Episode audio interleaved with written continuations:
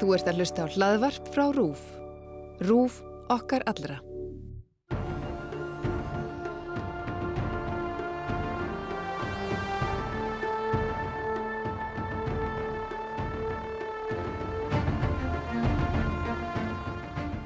Verið velkomin í með söngvakeppnin á heilanum. Ég heiti Júlia Margrét og er Eurovision nörd og hér ætla ég að halda áfram að spá í söngvakeppninni.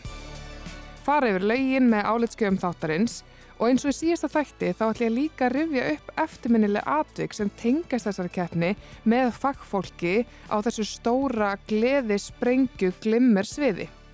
Fyrsta undakeppnin fór auðvitað fram á lögadaginn og hún var mjög glæsileg og þá komust tvö lög beint áfram í úslitt. Næsta lögadag fáum að vita hvaða tvö lög fylgja þeim þangað í apvel þrjú því þá mun framkvæmtastjórn keppninar tilkynna hvort eða hvaða lag fer áfram sem svo kalla wild card eða eitt lag enn. Það var auðvitað ljósið með Stefánu Óla sem komst áfram og það gerði líka sýsturnar Eithorstætur með lagið með hækkandi sól. Björg Magnúsdóttir er einn af þrejumur kinnum keppninar í ár og hún er áræðilega í spennu falli eftir kvöldið en hún kýtti samt til mín og sæði mér svona frá því helsta frá síðasta lögadegi og hvernig henni líst á framhaldið.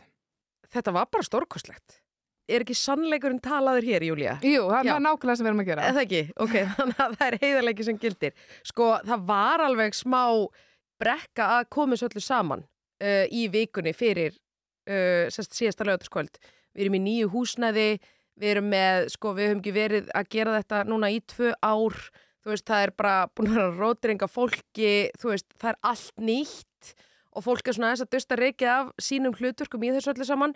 Þannig að hérna, það var átak að koma öllu saman þannig að maður var svona pínu maður var með pínu hjarslátt fyrir lögadeginum bara, húf, ég er ekki alltaf hérna ég er ekki alltaf að fara að virka sem skildi þú veist, það þarf svo margt að ganga upp til þess að svona sjó bara Mhm. skili sér heim í stofu Einmitt. þannig að hérna, ég held að við höfum öll verið bara svona, þú veist, vonaða besta en þú veist, búast við því að það gæti alveg eitthvað gerst, sko, Mhm. eitthvað, svona, eitthvað svona skemmtilega óvænt eins og gerir stundum í beinum útsendingum en svo bara rúlaði þetta fáránlega vel Mm og mér fannst bara að listamenninir þau stóðu sig frábærlega þau bara neldu þetta öll sem eitt, geðveik stemning í salnum, nei sko geðveik, Einmitt. þetta var bara þú veist, fólk var bara svo til í þetta Fólk var hungrað bara. hungur, Mhm. úf hungur er rétt á orðið, bara Mhm. grímulaust þú veist, bara, maður bara svona hvernig er þetta, og þá bara Mm, Bara eins og höggbylgja bara.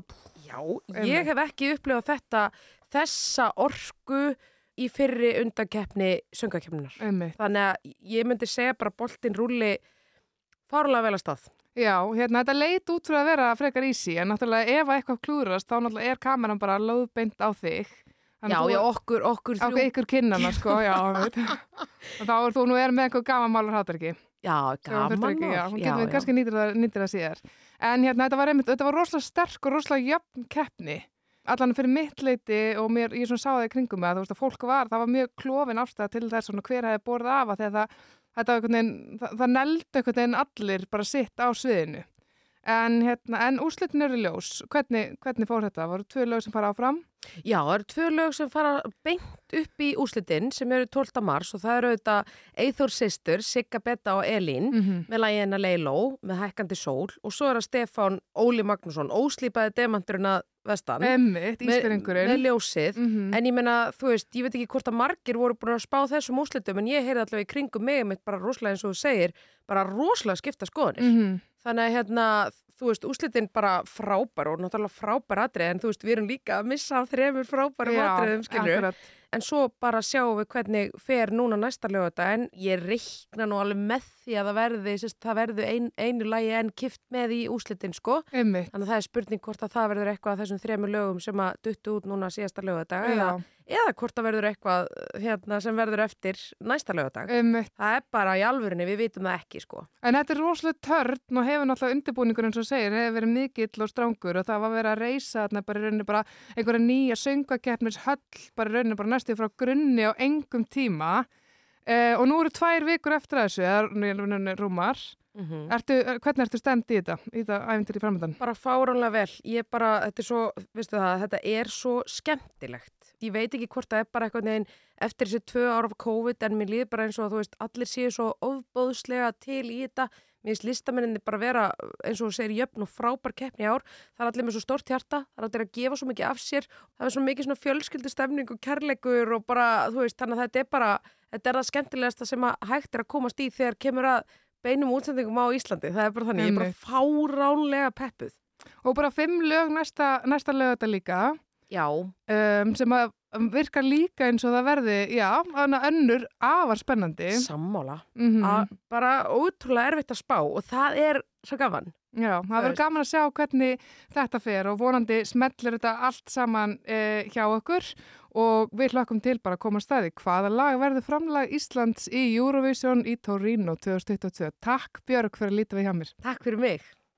Áður en við hlustum á brotur lögunum 5 sem keppa næsta lögadag þá ætla ég að ræða við tvo fyrrum Eurovision fara sem bæði eru með fullt af sögum í farteskinu. Þau hafa tekið þátt í söngvakeppninni og Eurovision meðal annars í söngvakeppninni 2008 sem var svo lengsta í sögunni en líka eins og sterkasta. Heyrim í þeim. Hæ, ég heitir Regina Ósk, söngkona og, og Eurovision fari. Hæ, ég heiti Óttar Propja, ég er bóksali og fyrverandi Eurovision bakrætta stjarnar. Eurovision bakræta stjarni. Já, mér grunar alveg að þú kynnir þið oftast með þessum tilli. Já, þetta er nú svona, já, þetta er mjög ofalega í huga. Já, já. Ertu svo leiðis í símaskráni? Nei, Þú mátt vættir að breyta þess. Já, þetta er alveg, hérna, hér er ábending. Já, hér er pæling. Hérna, sko, Regina, um, Mhm. þú ert náttúrulega svona viskubrunnur og, og reynslu bolti þegar það kemur að þessari keppni og svona, þetta er kannski svona að maður sér mikið af þér. Þetta er bara svo fyndið sem mann að Selma vinkona segi, þú veist, maður getur gert ímislegt en það hvernig bara kemur alltaf að því einu svona ára er alltaf reyndi mann og byrðum ykkur viðtal í Eurovision og eins og Óttar sagði þetta náðan, hvað sagði þetta, væri svona þjóðfélags, já, þetta er svona ákveðin þekkskildu vinna. Já, þetta er sko. þekkskyldu Þetta er vinna. dálítið eins og að vera í jólasuna fjölskyldunni. já, Svona, fyrir jólinn þá fer maður í búningin. ná, nákvæmlega, þetta er svolítið þannig. Já. Einmitt, einmitt. þá er maður alveg sko, þá er alltaf svona viðtöl og, og, hva, og svo halda allir að maður hefði farið bara, þú veist, trilljón sinnum út og tekið þátt trilljón sinnum, en það er ekki alveg þannig, sko. Nei, en þú hefur samt alveg farið nokkur sinnum út, sko. Já, ég farið fjóru sinnum út. Þú farið fjóru sinnum. Sko, óttar nefnilega þegar þú ert, ekki endla, þú ert ekki endla fyrsti maðurinn sem hann dettur í hug svona þegar að Eurovision ber að koma. Nei, kannski ekki, sko. Nei, en hérna, ert náttúrulega hérna, mikill svona rockari, en hérna, en, eh, en ég hef heyrt samt að þú sért svona, hafur alltaf verið svolítið svona að gæla við diskóið og svona þennan, Já, já, algjörlega, sko. já, Og sem krakki þá var ég alveg gersanlega, sko, hérna, dolfallin, uh, fyrst og fremst, já, kannski Elvis aðdáðandi, en Já. Elvis og Eurovision. einmitt, Það var eiginlega það eina sem gerðist í barnasku, svona sem ég man eftir allavega. Einmitt. þetta er líka svolítið flott, sko, Elvis og Eurovision, ég tek alveg undir þetta. Já, þetta tvent, þá er maður raunin bara góður, sko. Já, nákvæmlega, sérstaklega 70s.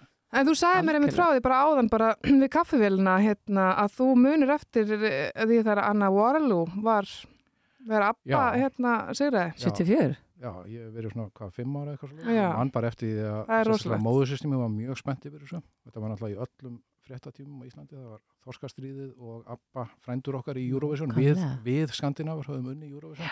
Já, Svo byðum við svo spennt í þrjár vikur eftir því að keppnin er því sínd. Já, var það þannig? Já. Ég er alltaf að vera að að móðum mína, sko. hérna, og hérna, það voru einhverjir sem að hafðu, sko, voru mjög örli og voru konni með myndbannstæki já, og það var náttúrulega vinsalasta fólki næstu árin. að því það var sem tekið Já, búið að taka upp. Já, einmitt. Ég var alltaf að mínu um dagina því að hún, sérst, hún er búin að, var að segja, ég er búin að fylgjast með þessari keppni í 52 ár, sér 1970. Já, það er rosalegt. Já, hún var alltaf svona, ég fengi þetta bara með móðumjölkinu, sko. Já, einmitt, einmitt. Og ég man ennþá 1986, það sem hann var bara plantaður niður fyrir fram á sjónvarpi, bara nú er Ísland að taka þátt og nú bara setjast við, ég man svo eftir þessu. einmitt, en í rauninni var þetta óhjákvæmilegt svona, þú færi svolítið að... Algjörlega, algjörlega, sko. En sko Regina, einmitt, þú fórst, það var árið 2001, er það ekki fyrsta sinn sem þú ferð út? Jú, Og það var lægið, hérna, Angel, eða. Birta.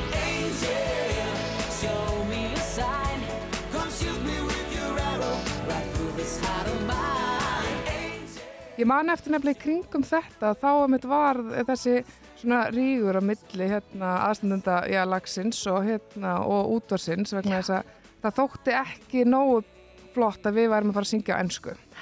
þetta var alveg. Já, var alveg mál. einmitt, þetta var alveg mál, en svo, svo var sungið á ennsku, en það gekk nú ekkert alltaf vel samt. Nei, þetta, þetta var geggjuferð, þetta var stæðsta Eurovision kemd sem hefur haldin, það voru 40.000 manns á parkan, það hefur Vá. ekki verið svona margir, en það var líka allt og mikið, ég held að við bara séð þetta var aðeins og mikið, það var 40.000 manns sko, og, en það var líka geggið að heyra bara hérna, mannstu, Good evening Europe, og það bara, það var rosalegt sko. Vá, ég get ímyndum Af Því við vorum nummið tvö á svið sko, þannig að við heyrðum þetta alltaf, ég fæ gæs og ég segi þetta núna sko, Vá. ég var að stjóka sko. En þetta endaði ekki vel þessi ferð, við vorum alltaf bara að fengum þrjú stegi eða eitthvað. En það skiptir ekki allir máli, Nei, nei, nei, nei. Ég maður alltaf eftir bara svona persónulega það að vera alveg smá sjokk sko, því að þú veist, maður fylgdist þarna með söngakefnum þetta ár og þetta var svo ógeðslega skemmtilegt lag. Já, já. Fa- Það, var bara, sko, okkur, það er alltaf stemning sem meitir kringu júru. Já, já. Íslensku lögin eru líka alltaf langt best. Já, einmitt, það course. fattir ekki allir sko, við vitum það sko. Nei, nei. En svo ferði út að aftur 2003, 2005 og svo 2006 þá tókstu þátt í söngakefninni með lægi Þér við hlið og þetta, Já. það lag hefur lifað svolítið.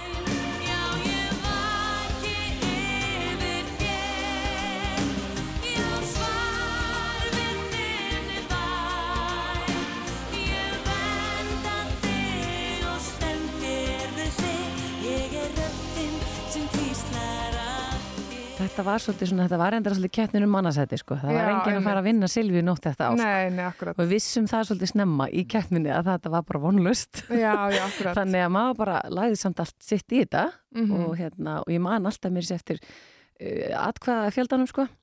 Silvíu nótt fekk 70.000 og ég fekk 30.000 Já, og smá næsta munur. lag 9.000 sem var fyrirkomar. Jesus. Skiljið, það var svo rosalegu munur Já, en enn þann dag í dag, krakkar, þú veist, 2006 sjáðu til, e, það er 16 ár síðan, það er ennþá verið að segja, ó, þú hefur þetta að fara, en ég mun alltaf njóta vafan, skiluru, að eilífu.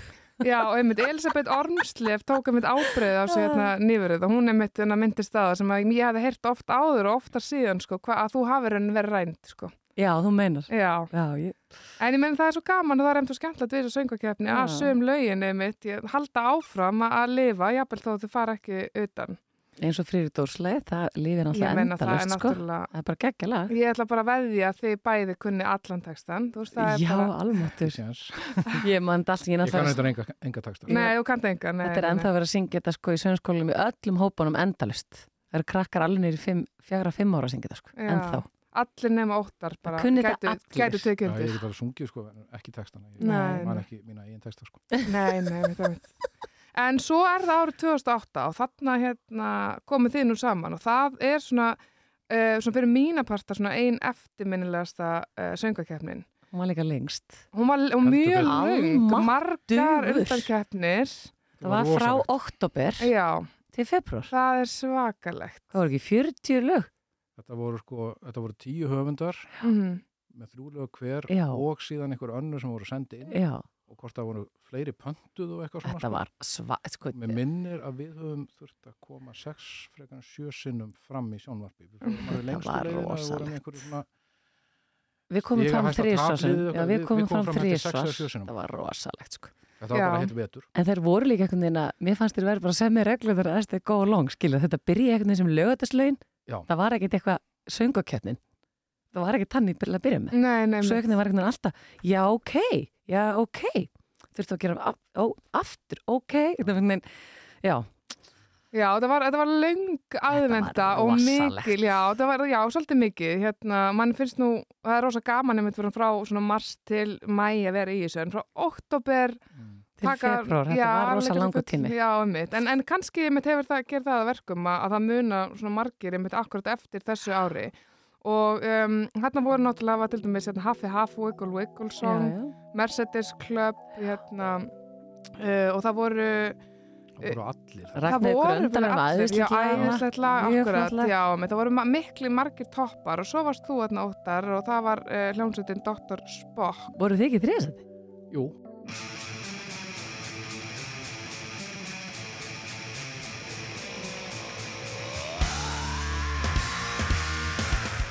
Við vorum ekkert að pæla í þessu.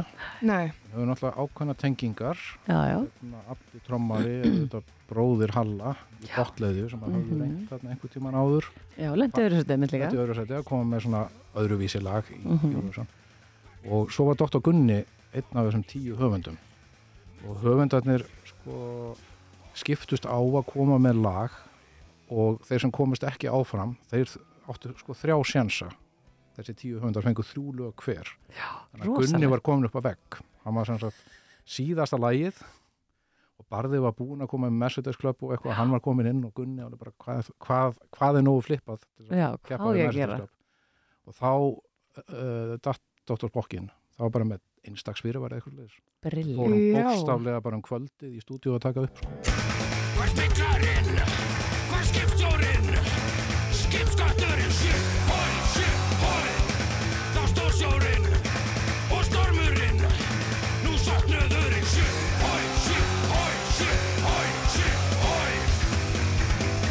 Sann svo brilljant að því ég hef alltaf sagt í þólegið fólk sinni, þetta er ekki svona ekta veist, ekta Eurovision-lag, það er ekki til fyrir mér skilu, þetta er bara, bara tónlistakefni og það er allir velkonir og bara eitthvað sem virkar alveg sem einhver sé rock, country, pop, whatever. Mhm. Þess vegna finnst mér svo gaman þessi þróun Mhm. að sé bara, það er allir velkonir, ekkert sem heitir típist Eurovision-lag fyrir mér. Nei, nei, akkurat, akkurat. Mér finnst einmitt svona í umræðinu þá var einmitt fólk að tala um það að síðustu ár hafa þetta verið að breytast en þá einmitt rifja ég upp eins og botleði og hérna og Dr. Spock að þú veist það hefur alltaf verið hljómgrunnur fyrir svona einhverju fjölbreytni Já, í þessari Lordi keppni. frá Finnlandi sko. Já, Þeir, þeir, þeir alveg svolítið opnuðu þetta finnst mér sko. Já, já, einmitt, einmitt og svo náttúrulega kemur, komum við hérna með hatara og svona og Já, hérna. bara geggja. En sko, hérna, en hvernig, hvernig var þessi reynsla óttar fyrir ykkur og að svona, þið náttúrulega skáru ykkur svolítið út og þið voru þarna með upp þótt að hanska og hefði þið Já, sem já. að, Er guli hanskin sko. hanskin, já. það var nú, við vorum búin að vera að nota það svona meira, auðvitað bara einhvern rocktónleikum skoðum rocktónleikum undir morgun á gukknum og eitthvað svona sko. Hérna eitthvað grína veifa upptátt af hanskum sko.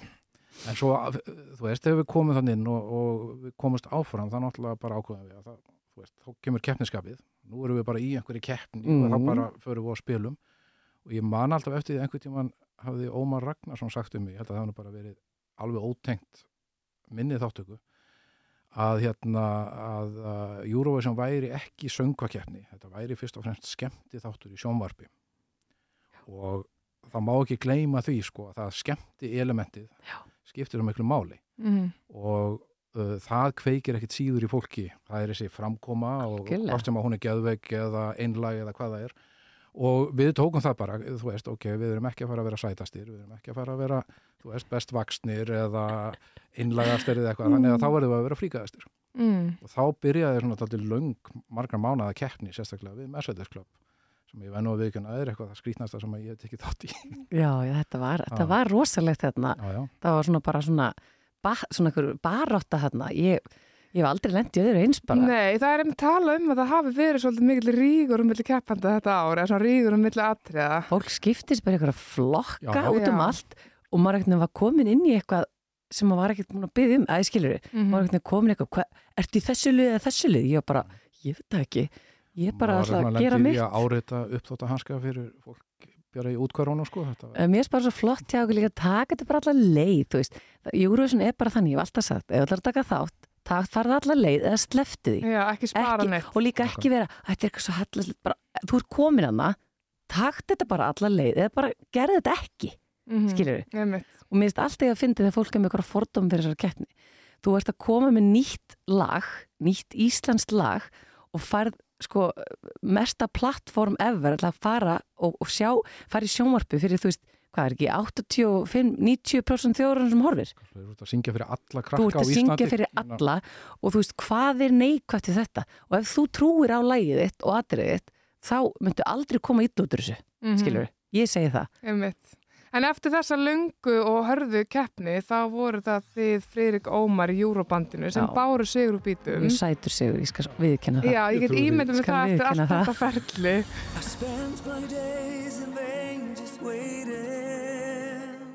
Þetta er eitthvað að- þetta er tegund af tónlist sem ég sagðist aldrei ætla að gera. Svona teknotónlist. Mm að því þess að bara, ég ger ekki svona og svo kom Öggi sem að segja mér læg hann bara, heyrðu, Regina, þú ert alveg perfekt í, í svona tekno, ég bara ok þá, ég skal gera þetta Mm. og ég fíla það alveg í dag, sko Já, og mér er það alveg svona það, það stendst tímans tönn, þetta, þessi útsendingin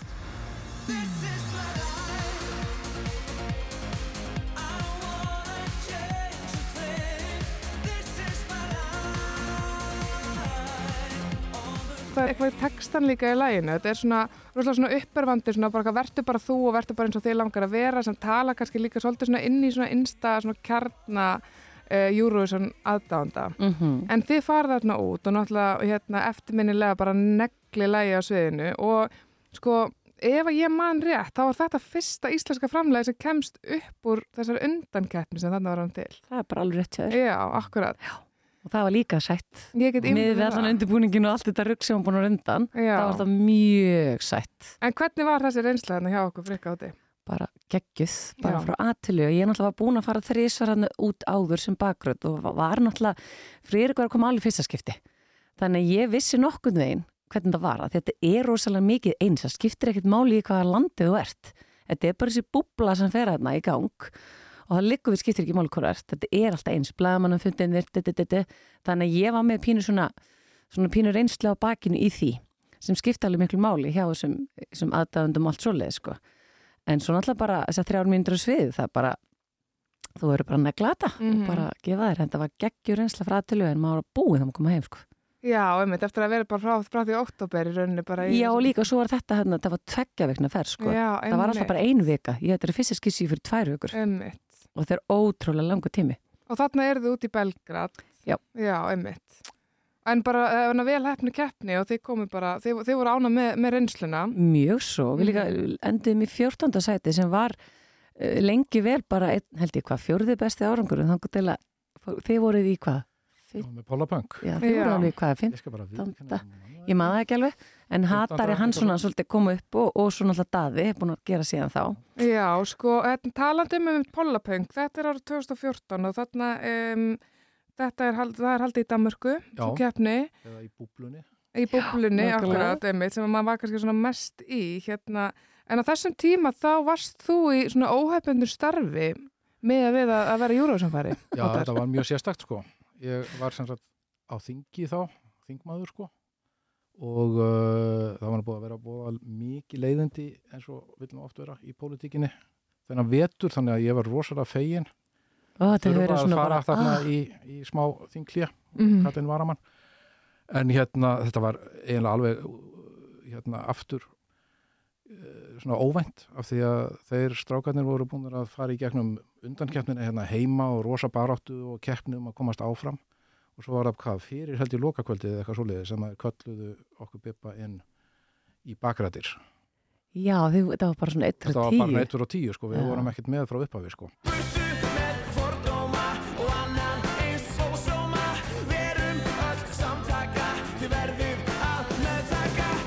Einmitt. svo bara áður en við vitum af erum við konur í, í búbluna til köpmanarnar Ég hens hann galunum bara. í Hensson Galánum og bara algjörlega bara spila inn á þetta. Þetta var rosalega gaman og það var mikil barátta sko að því að ekki bara var ég á þingi, heldur var líka Halli sko formaður leikskólakennara Já, ég og í hörku svo- hérna hörku stjættabaróttu þannig að hérna og það var mikið keppni um það að Íslendingar höfðu ekki komist áfram þetta í nokkur ár upp úr undankeppninni þannig að við ætluðum sko það var baráttan sko. Já, þá kom aftur, við vorum þetta fyrst, svo komist við áfram í nokkur ár Já. og svo var alveg mörg ára þannig sem kom Já, að sem komst aðeins ekki neitt. eyðimörk komst ekki neitt, ganga, já. akkurat. og svo lendum við í þessu líka var það ekki þriðaskiptið eða eitthvað svoleiðis í röð sem við vorum dregin sko síðast Já, þetta var svakalegt. það var mjög, mjög sætt Spennandi.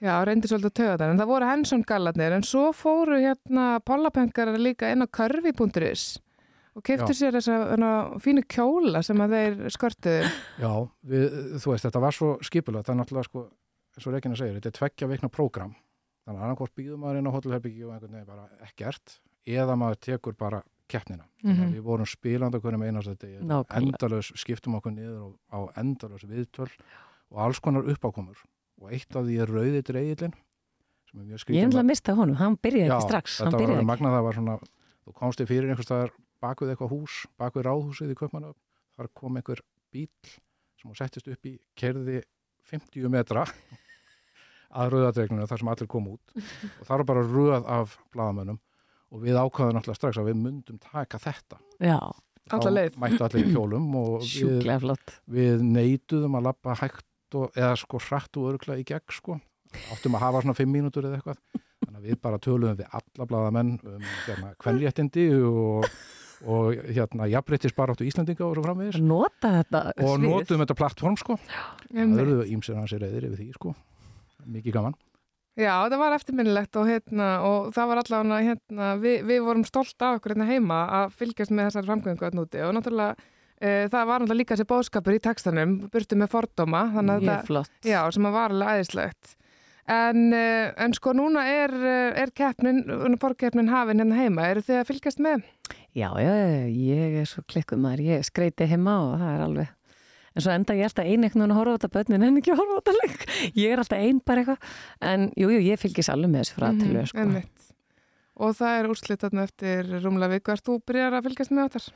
vistu það mjög takmarkað ennþá ég finn það aðeins eftir að ég kom þarna heim 2014 þetta var alveg ágætt og ég verið svona aðeins lengur í gang eftir það en það nær mér alltaf gamla Eurovision æðið. Og fyrir mér sko var svo stór sprengja í Eurovision að því að satt best að segja þó maður sé núna kannski farin að fíla balluðu betur þá fannst mér 80s Eurovision vera frekar döft. Ég var náttúrulega bara í punkinu og vildi bara alls konar Mm. háaða músík og meðan var 80s hérna Eurovision aðalega ítalska balluður að keppa við írskar balluður og en svo gerist náttúrulega 89 þá hrinur Berlinamúrin og þá kemur Östur-Európa og þá koma öll þessi brjáluðu atriði Mhm. þessi metnaður og þetta fyrst voru fyndnu atriðin einhvern veginn moldósku konurnar sem sunga á ennsku maður skildi ekki orð og allt þetta og bara brjáluðu búningarnir Já. en svo er þetta bara orðið þeir eru bara búin að taka þetta upp á einhver, eitthvað, plat, eitthvað plan sem enginn um að leiti gaga og séns á Mm. og hérna það endar alltaf á því að maður þetta er, þetta er svona eins og bara Európa-kjöfni í fótbolta maður endar alltaf á því að horfa allavega á síðustu leikina sko. Þetta er bara svo gaman að því sem ég hef alltaf sagt, þetta er ekki bara lagakeppni, fólk átt að segja ekki á því. Þetta er bara allt. Þú þarfst að nota augun og eirun og, og, og, og tilfinningarna líka. Þú veist, maður sér eitthvað lag á sviði maður er búin að heyra lagið. Ok, svo sér maður það á sviði og það er eitthvað, það er eitthvað töfra sem koma. Það er alveg sama lagið, það er nákvæmlega eins flutt allt það, en það er bara eitthvað töfra sem gerist í sviðsendingunni, ljósunum hljómnum, eitthvað, þú veist, það er alltaf eitthvað sem gerist og, Mm. og það er það sem er svo skemmtilegt, það er eitthvað tilfinning sem fyrir gang Einmitt. og það þú hefur þessar þrjár mínútur til að ná í gegn skilja. Akkurat. Já, þetta verður uh, spennandi. Er einhver möguleik að við sjáum ykkur aftur um, á, á sviðinu í söngakeppninni eða Júruvæsson?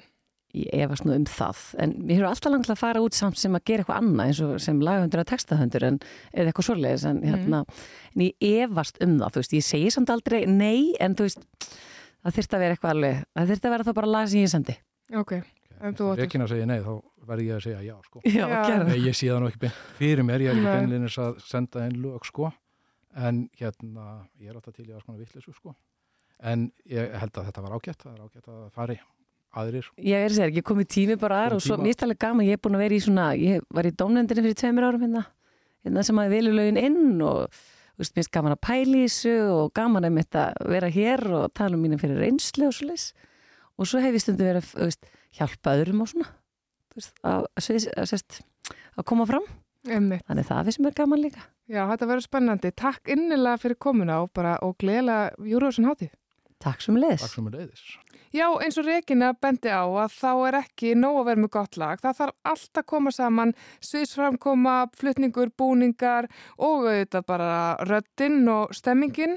En keppnin á laugardag var einmitt gríðarlega sterk og allir flytjendur glæsilegur sviðinu og það má líka búast við jafn harðri samkeppni á laugardag næsta. Til gamans rætti ég við tvo menn sem þekkja Eurovision afar vel. Þeir hlustu á lögin og sögðu sína skoðun. Já, ég heiti Friðrik Agni og ég geri alls konar. Já, ég heiti Ísak Pálmarsson og ég er stjórnamaður í FÁSES sem er félag áhuga fólksum söngakefni Evróska sjónastöða. Núna er fyrri undankeppnin afstæðin en það er ein eftir og við ætlum að fara yfir lögin sem að verða leikin á laugadaginn á stóra sviðinu í Gufunesinu. Uh, við ætlum bara að vinda okkur í þetta og við byrjum á svona já, rólegum og rómantískum nótum. Setjum bara fyrsta lagið í gang.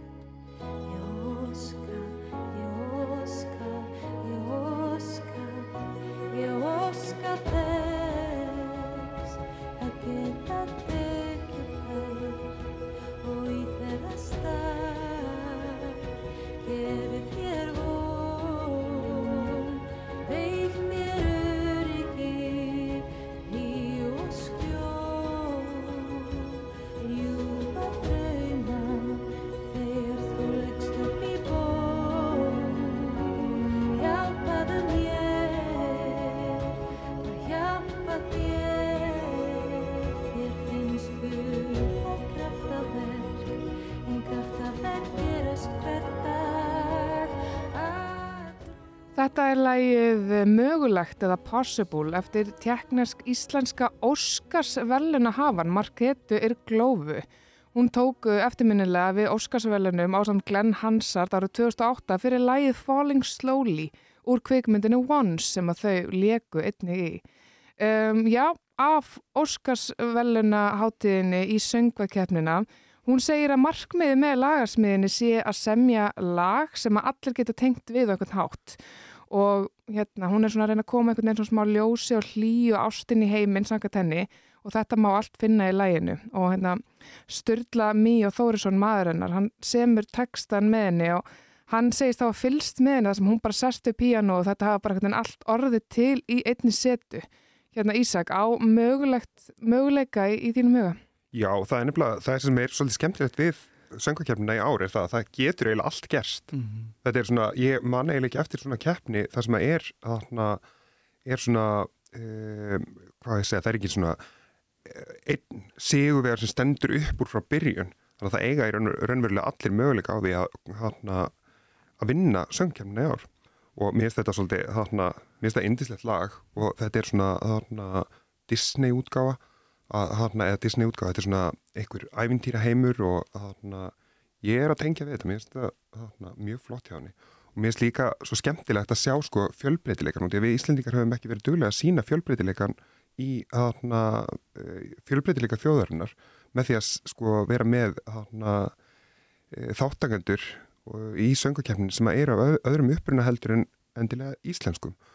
Og þarna það er, þarna, mér finnst það jákvæmt skref að þarna og, en ég átti svo sem ekki vonaði að fyrsti, svona, fyrsti Íslendingurinn á erlendum uppruna eru þeir frá hana, Tjekklandi en það voru nokkrir færiðingar hana, spreitt sig og hana, komist nokkur langt komist nokkur nálætti að verða okkar fulltrúi það verður gaman ef það verði hana, tjekki Já, einmitt, hvað segir þú Freyrik? Þetta er einmitt ævintýralegt og finnir þú svona Disney einhvern veginn áhrifin í þessu?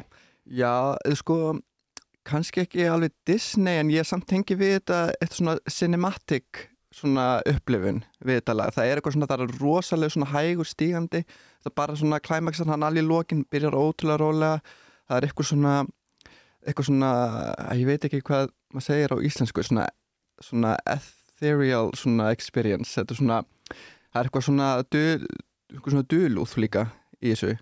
Um, og ég svona er svona pínu sendur í einhvern svona annan heim þegar ég hlusta á þetta og ég hérna, hlusta á þetta aftur bara í gær því að við fyrstu hlustin þá var ég pínu svona ok, viljum að fara að lúlla.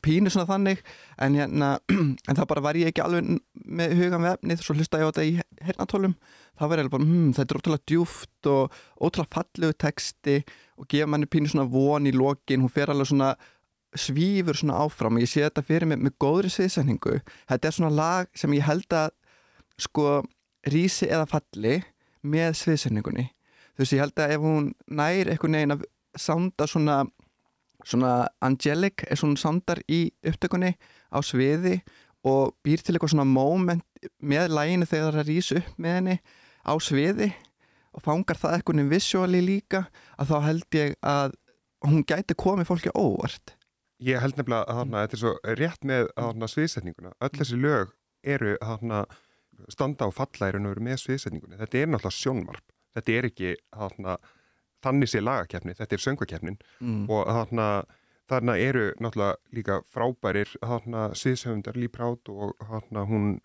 e, Unnur Elisabeth Mhm. Gunnarsdóttir sem eru að þarna Unnur Elisabeth er fyrst, fyrsta skipti núna, Proud hefur verið áður og þarna eins og við sjáum bara á síðustu söngvakefnum að þá hefur verið sko þarna þessi sjómvars áhrifa þáttur að þarna hann hefur svona lift undir lögunum Mm. og þarna, þannig að þú veist það er kannski erfitt að segja uh, núna en með réttum þarna, með réttum uh, elementum er hægt að gera þetta mjög flott. Já, einmitt, ég er alveg sammála. Líka bara, þú veist, mér finnst þess að söngakefnin hafi aðeins verið svona að setja meira fút í uh, þetta sjónræna.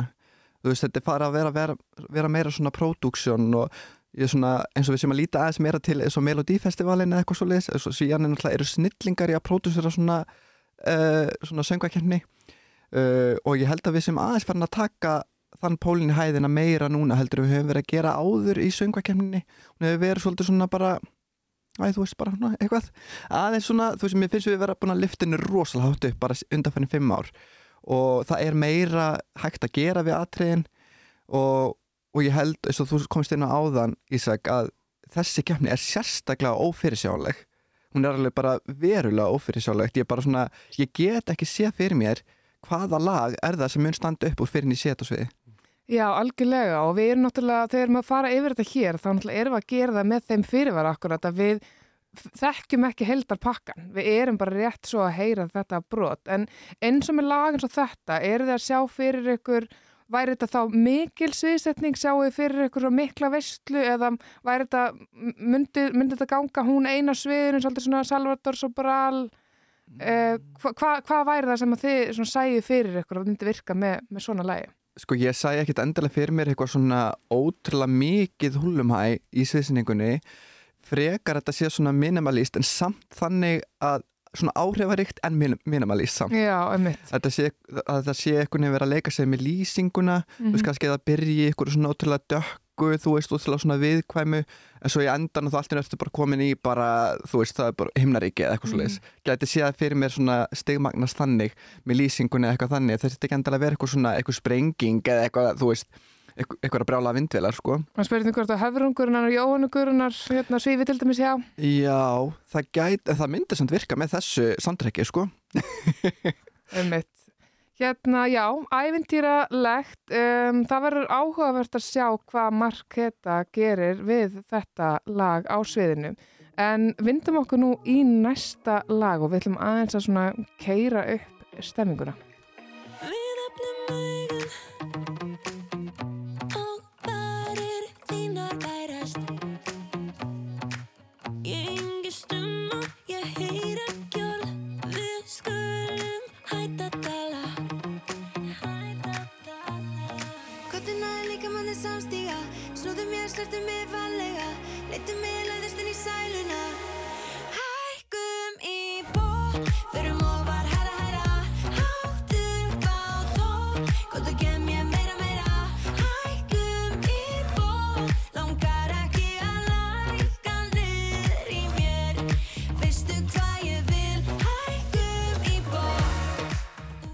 Hækkum í botn, keep it cool. Hérna er þar Sun City eða Solborg Guðbrandsdóttir og Sanna Martínez.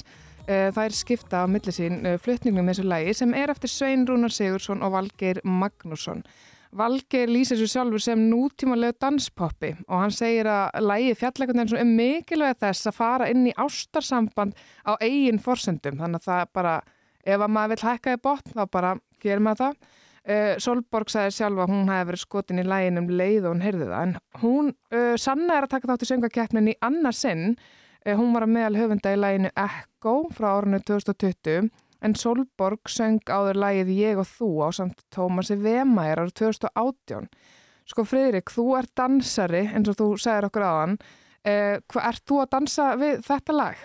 Já, ég get sko vissulega að dansa við þetta lag, það vantar ekki. Þetta er alveg svona þetta er svona instant þú veist, það er mjög erfitt að þú veist, fara ekki í taktin þú veist, hann er alveg þannig og sérstaklega við heyrðum að núna í þessum græn, þá var alveg bara ok. Um, sko en að, sko eftir, eftir að hlusta á þetta samt aftur uh, í gær, þá rann ég að sig yfir öll lögin þá hlusta ég þetta fyrst, svo hlusta ég öll hinn og þá myndi ég samt ekki hvernig viðlagi var í þessu lagi. Ég var bara hvernig var þetta lagi, ég veit alveg að það var svona radio friendly en ég myndi það samt ekki. Um, og ég held að sé kannski bara þetta það þú veist catch og það kannski mainstream að ég veit ekki alveg hvort að það muni kannski hverfa pínu í kemninni þótt að það sé alveg gott. En það er ekkert við það sem svona svona tekur það svona algjörlega upp einhvern veginn svona og lætur mig svona muna óbærslega mikið eftir því. Ég veit ekki alveg hvað það er og það var einhvað líka sem trublaði mig í það kannski framburðurinn þú veist, hann í byrjun þá skildi ég ekki alveg hvað var að vera að segja. Það var eitthvað svona opna augun og ég, einhvern veginn, ég held að hún var að tala eitthvað annað tungumál fyrst. Og hérna það getur verið út af því hún er kannski er ekki íslensk einhver hana sem er að syngja? Já, sko Sanna er ekki íslensk en Solborg held ég, hún, hérna, hún byrjar, uh, byrjar allan hann að söng sko. Já, ok, fyrir ekki að Solborg Ég ætla að, ég skildi ekki alveg þú veist, ég var eitthvað fyrst eitthvað svona, já eitthvað, var ekki að fatta textan en hérna, og það eitthvað svona fóð svona pínu í tönar á mér. En hérna, en mér finnst lægi samt sem slíkt ótrúlega, þú veist útarpsvænt, danslag og ég myndi örglarið taka þetta inn í zumba tíma tímin í vörklassa eitthvað. Uh, en ég veit ekki alveg sko inn í söngvakefninu hvort það muni ná eins langt og það kannski gæti farið að það væri eitthvað pínu meira eitthvað svona svona eftirminnilegt í því Emmitt, hvað segir þú Ísak? Ert þú að hækka í botn? Ég hækkaði bótt sko, ég vaknaði upp á nóttinu bara, hæra, hæra, okay. meira, meira. Mér finnst það æðislegt lag og ég hlakka líka svo til út því þetta er svona kannski eina lagið í keppninni sem er svona alveg mellow, þú veist, þarna Melody Festivalin Já. lag. Þannig að það er að gera svo flotta hluti og ég hlakka svo rosalega til að sjá hvað, þarna, hvað þau munu gera á sviðinu úr þessu. Út því að þetta er, þarna, það er allavega, þarna er efni viður uh, í eitthvað frábært atriði að, þarna, þannig að ég held að þetta muni þarna, stíga herra og ég er ekki sammálaði að það sé ekki eftirminnilegt að, að þarna, ég allavega er búin að vera með þetta á heilunum sko og ég er ekkert að grínast með að ég vakna á nóttunni. Oh my god. En þarna, og það er bara gott sko. Fjör í draumanum þínum? já, það er fjör í draumunum mínum sko. Þannig að þarna, og þetta er náttúrulega líka svona dream team sem er þarna á bakvið þetta. Þarna, þetta er nú ekki fyrsta skipti sem að Svenni tekur þátt. Nei, emmitt, þetta eru reynslu boltar. þetta eru reynslu boltar og hafa hana, e, þau vita alveg hvað þau eru að gera og eru með alla hana, e, eru með fullt af fólki á bakvið sig og vita hvert þau eru að leita og hana, þannig að ég hef fulla trú að þetta eftir að, þau eftir að gera gott mót úr Mm. þessu.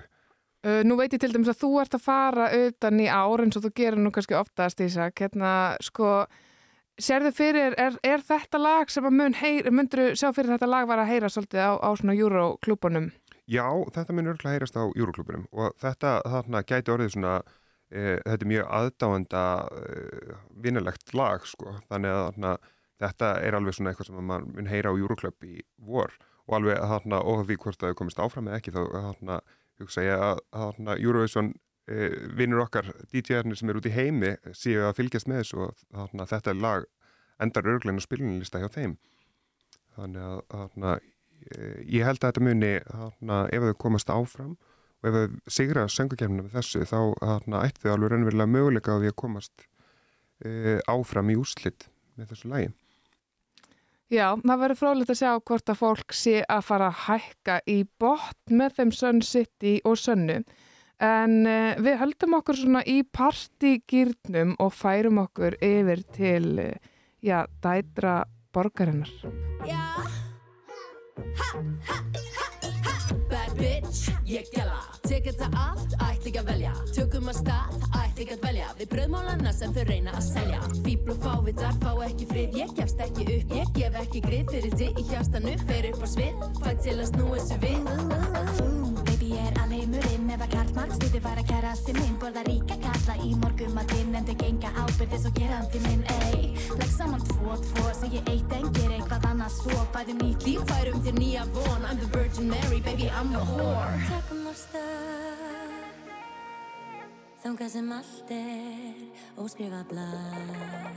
Já, við teljum niður tíman þar til við skrifumst í stjórnurnar og förum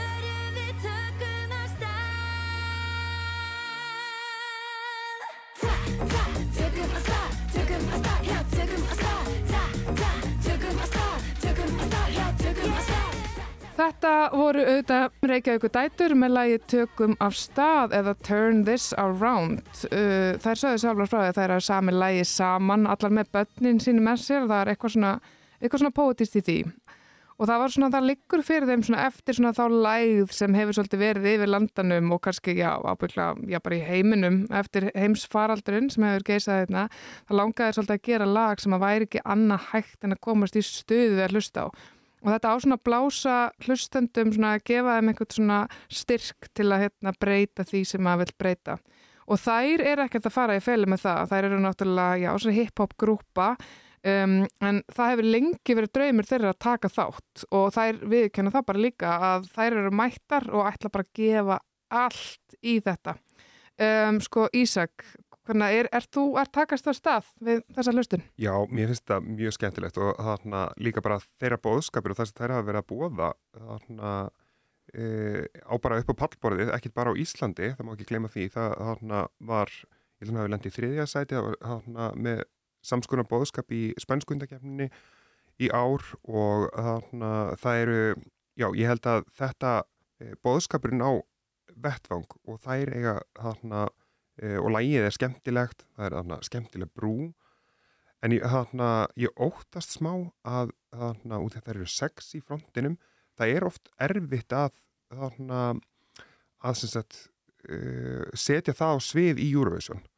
Þannig að það gæti orðið, uh, það þarf að vanda mjög vel hvernig það er gert til þess að það kom ekki þannig út að það sé verið að rífast um aðtiklina eða eitthvað svo leiðis. Þannig að þetta sé þarna, komið rétt út en það er vel gerlegt að þarna, uh, vera með sex fronta en það er erfitt. Ég man ekki eftir neinu sigurlægi sem það var. Nei, ég ætlaði að mynda að spyrja Nei. því, ef einhver, ef einhver myndi eftir því það væri það þú sko, einmitt, hvort að það sé, Já. Já, mörg dæmi um að það sé einmitt svona margir, Nei, ég held að það sé bara hana, mjög langt síðan að það voru veist, það voru örugglega svona 70s eitthvað Mm, þarna á einmitt. sjöunni voru fjórir frontar Mhm.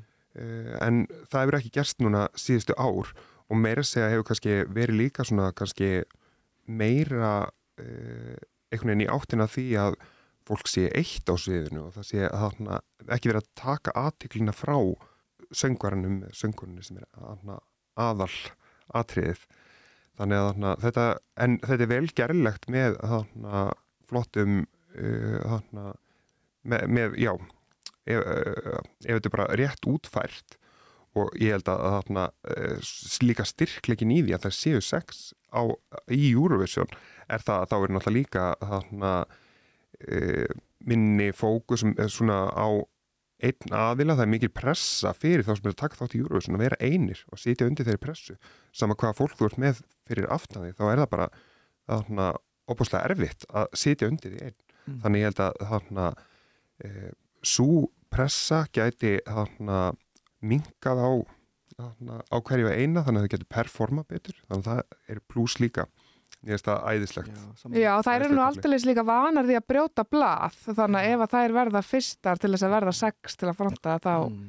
Já, og- ég einmitt alveg. og einmitt þess að, að, þarna, brjóta blað sko, það er þarna, e, svona, það hefur hjálpað lögum í Eurovision að koma með, ykkur, með bóðskap með sér og þú veist, við sjáum bara þarna, Jamölu 2016 að þarna, ég hugsa að hún hefði ekki unnið Eurovision á öðrum tíma e, með þessu lægi þú veist, það var bara tíðarandin það er eitthvað, þú veist, út af því að Eurovision er er í sko, tíma og rúmi, hvað maður segja, þú veist, þetta er tíðarandin á þessu augnabliki, hvernig er hana, hvernig eru sjómas áhörfundur stemdir á þessu kvöldi og hana, hver er tíðarandin þannig að þetta er, það er geta hitt þar í mark mm -hmm. Já, margt, já, margt sem að hérna, gæ- gæti smolli hvernig líst þér á Friðrik á Reykjavíkudætur? Sko, já, ég er alveg sammála Ísak með allt sem hann var að tala um eins og um og það eru svo margar og ég held að það er mikið til hjálpa til uh, fyrir svona pressu hvers og eins performers fyrir sig uh, en svo náttúrulega bara líka þær búa að svo rosalega mikill reynslu á sviði og þær eru rosalega kraftumiklar á sviði þær gefa ekkert eftir uh, og ég veit að fyrst að þær eru búin að segja að þær ætla að gefa allt í þetta þá munið þær gefa allt í þetta þetta er ótrúlega hæfileikar ekki stelpur. Og mist textin geggjaður. Og þetta er bara óbærslega mikið tíðarandin núna. Þetta er bara svolítið, þú veist, aggression. Þú veist, látum heyri í okkur. Þetta er me too, þetta er girl power. Þetta er alveg bara, því eitthvað er rosalega mörg boks hvað var það svona samfélags uh, svona heimssamfélagið. Uh, og bara hva, hvað er í, þú veist, umræðu núna í því. Og svo fyrir utan það er bara lægið ótrúlega gott Uh, það er ótrúlega mikið um að vera í því það kemur, þú veist ég elska þetta í lokin það kemur svona hægist á því og það pínur svona hérna K-pop feelingur í því, það er oft svona notað eitthvað þannig í K-pop lögum, það sem alltaf kemur svona algjörlega svona annað sound í lokin. Sko já, bara um leið og ég heyrði þetta og ég eitthvað neginn, þú veist og ég veit að þær muni fara all in í búningum líka og svona uh, en ég samt emitt sammála því sem þú sagðir áðan að, að það þarf eitthvað neginn sviðsetningin þarf að hún þarf að virka sko því að það getur verið að áhærendin missi pínu fókus og missi pínu bóðskapin þú veist út af því að það eru svo margar eða veginn, eða verður kátist um, en ég held að það séu góðum höndum hjá Lý sko. Ég held að hann sé alveg, hann er náttúrulega mjög vanur og hérna veit alveg hvað hann er að gera. Þannig að ég held að við sem að fara að sjá eitthvað mjög flott frá þeim með þetta lag Einmitt, uh, það er girl power eða stelpu styrkur hjá Reykjavíkudætrum, það verður gaman að sjá hvað þær gera. En uh, þá förum við aðeins svona í, já, svona smá svona kraftballiði. Sólinn snýst um þá í sömu átt. Stingur aðeins minna bara á annan hátt. Á sviftundu það varð allt skýrt og klárt. Um leið og ég tók breyturnar í sátt undan var skjól sem að ég sá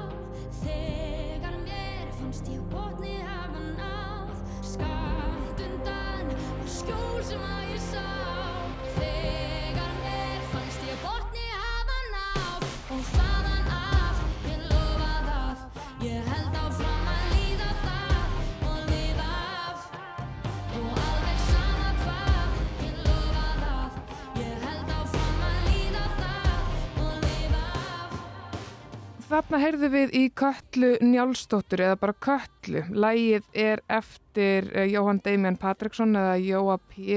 Kristinn Óla sem við þekkjum svona Króla, Hafstein Þráin, svona Snorra Beck. Og það var yfirist Jói P. sem að sandi demóið á þessu lægi og senda heina lagahöfunduna. Og það fór í allar áttir en, en hópurinn komst að að þetta væri besta niðurstaðan.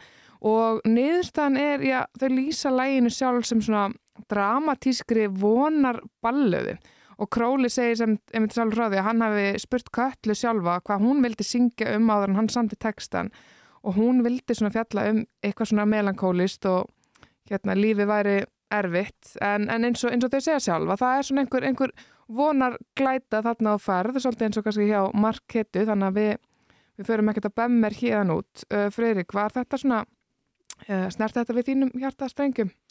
Sko, já, það er eitthvað í þessu lagi sem snerti við mér. Um, og einmitt, þetta er mjög dramatíst og fer svona pínu í depression, þú veist bara textin en það er einmitt eins og þau segja sjálf frá, það er samt von, þú veist.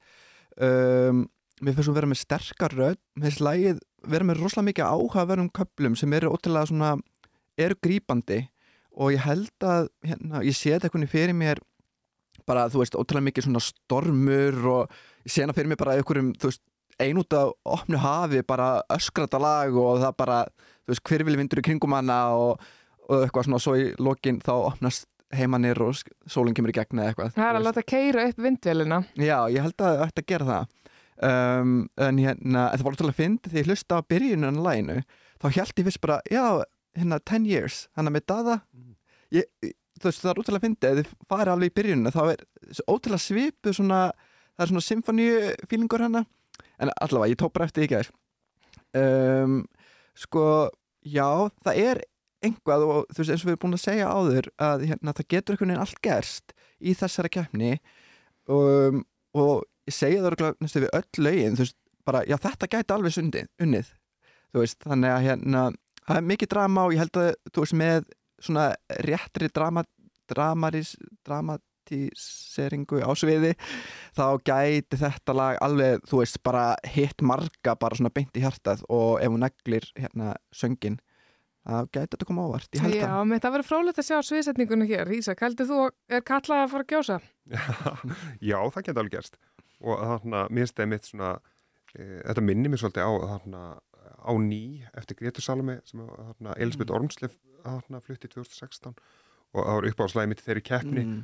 Og það er eitthvað svona trommur og þetta alveg slæri á mig sko Mm. og þarna e, kveikir einhverja þarna, hjá mér e, þarna, alls konar tilfinningar og ég held líka að þarna, þetta, það er svona einhver þjóðulegur taktur í þessu þarna, sem að ég held að þarna, e, sko, já, áhörundur í Evrópu munu líka tengja við Mhm. og þarna, þannig að það er sko svona lög eiga alveg þarna, góðan sens upp á pallbaru og sérstaklega líka ef að keppnin verður þannig að þarna, e, ef að Eurovision verður þannig að það sé ekki e, sé meira svona e, fjör og gleði að þá getur svona lag staðið upp úr í þeirri keppni Mhm. og þarna, við erum bara að keppa það í fyrri undakeppninni í þarna, Torino og eh, þar eru komin nú þegar þarna, Noregu með gleðilag og, og fleiri þannig að þetta gæti alveg þarna,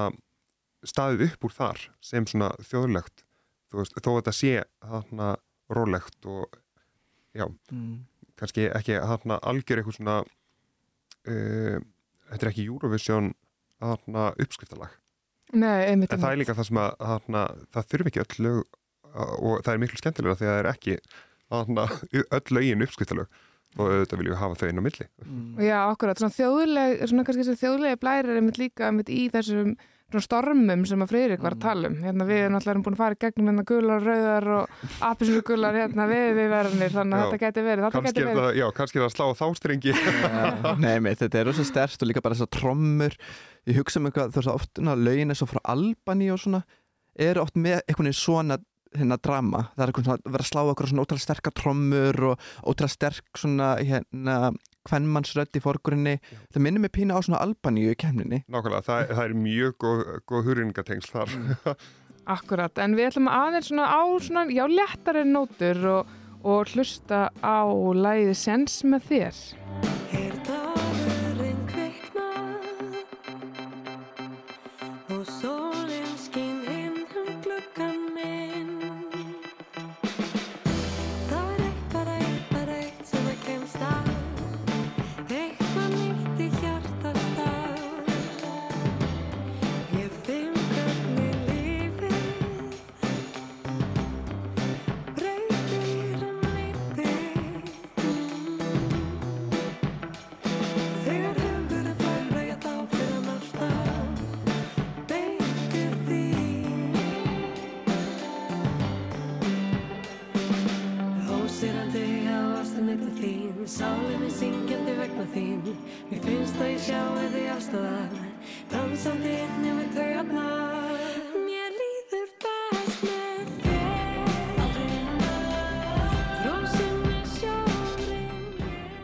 Þarna vorum við svona aðeins á krútlegum uh, nótum. Þetta var Sens með þér að Gemini og þarna flytjandinn hér er Hanna Mia and the Astronauts eða geimfarðin hennar og lægið er eftir Hanna Mia Brekkan sjálfa og Sakaris Emil Jónsson.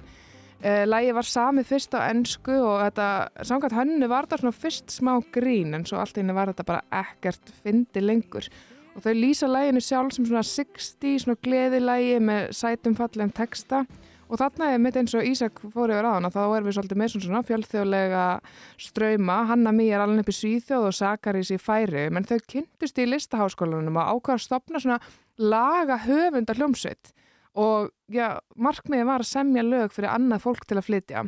En þegar við sendum lagið í keppnina þá söng Hanna Mí að sjálfa demónu. Þannig var hún ófrísk og svo fekk hún síntalið frá bara, já, aðstandinu keppninar bara fimm dögum eftir barsburð og henn, hún ákvað bara sjálfa að slá til og, og flytja lægið. Þetta er smá svona, já, svona rullur í, há, svona rullur í hárunni og svona sömar degi. Hérna, hvað segir þau, Ísak, verður þetta á fóninum hjá þér, er að sunnudagsteikin fyrir opnin? Já, alveg pottið sko. Það þannig að ég hefur rosalega gaman á svona tónlist þar sem er svona fullt af litlum smáatriðum sem að þarna, þegar maður hlustar á þetta aftur, þetta setur á sig noise cancellation heyrnatólinn og þarna þegar að hlusta alveg á lægi þá eru svona fullt af smáatriðum sem að maður er að heyra þarna, mér finnst ég verið að heyra nýja hluti í hvert skipti sem ég hlusta á lægið mér finnst það ótrúlega skemmtilegt. Og það er þarna þau, hún, hanna hefur einhvern svona sjarma sem að þarna er auðvelt að hrífast af. Þannig að, uh, já, ég held að þetta þarna, e, gæti alveg komist í úslitin og þarna, mér finnst bara frábær þarna einmitt þessi tenging við þarna fjölþjóðlega tenging aftur. Uh, en ég er samt þarna, uh, og ég held að þarna, uh, þau eiga alveg möguleika á að vinna keppnina. En uh, svo ef við færum áfram í Eurovision þá er þetta kannski svona uh, ekki nógu stert kannski sviðslag til þess að þarna eh, standa upp úr, ég veit ekki alveg það getur náttúrulega allt gerst með þarna réttir sviðsetningu. Og aftur þetta er þarna Eurovision og söngkefnin er sjómarsþáttur, ekki þarna útarp Þannig, að- og ekki þarna tónlist bara eins og við þarna neytum hennar venjulega Einmitt, já, það verður fróðlegt að sjá hvað þau gera með þetta sviðinu. Hvað segir þú, Freyr? Hvernig líst þér á, á Mm. hönnumíu og geimfarna? Bara mjög vel, þetta er alveg þú veist, alveg minn tepotli sko uh, og einmitt þegar ég hlustaði fyrst þá var ég bara strax komin í svona 60s þú veist, hún í blóm og kjól með eitthvað svona ógeðslega flotta rúlur uppsett hár, eitthvað neginn og svona pallar hér og þar á sviðinu þú veist með hljófarleikarunum svona sem var oft í svona sjómasjöpsenningum in the 60s og ég pínu líka svona dreamy, svona draumkent svona, ég gæti sé þetta fyrir mér svo svona lag sem kemur í svona romantískri gamanmynd yfir svona svona montage, það sem er að vera þú veist það sem að aðalpersonan er að uppgöta að hún sé ástfangin og er, er svona að fara yfir svona eitthvað svona musical, eitthvað svona að lappa um borgina að og svona alls konar stöðum og sjá fyrir sér ástina blómstra og eitthvað svona alls konar. Ég sá þetta einhvern veginn fyrir mig sem svona típist lag í svona romantískri gamamynd og ég er alveg bara, þú veist I'm here for it, skiluru en á sama tíma uh, segi ég eins og Ísak út af því að þetta er hérna, þú veist, þetta er sjónvarsviðburður og þú veist, þetta er sjónrænt. Þetta er ekki bara, þú veist, hlustuninn og við getum ekki bara leift okkur að dreyma um hvernig við sjáum þetta fyrir okkur, heldur mun þetta í alveg vera sviði og þú veist, ef að það alltinu, þú veist einmitt, fellur allinu þar þá, þú veist, held ég að lægis ekki nógu stert sviðslag til þess endilega að vinna endilega, en þú veist, enga síður, þú veist, þá get ég alveg hlusta á það á sunnudegi, minn ég er að baka Já, einmitt, þetta er kannski svona lægi einmitt sem við munum hlýða á þegar já, kanilsnúðarnir fara í opnin og svona. Uh, já, bara öðna, svona krútlegt gleðilag og öðna, lægið einmitt kannski sem fær mann til þess að svona vona elskandi, að trúa því að elskandinni finni hvort annað í bíómyndinni. En þá erum við búin að fara yfir þessa aðra undankeppni og ég ætla bara að þakka ykkur kærlega fyrir þessa frábæra greiningu. Takk Algjörlega, innilega. Takk fyrir mig. Takk fyrir.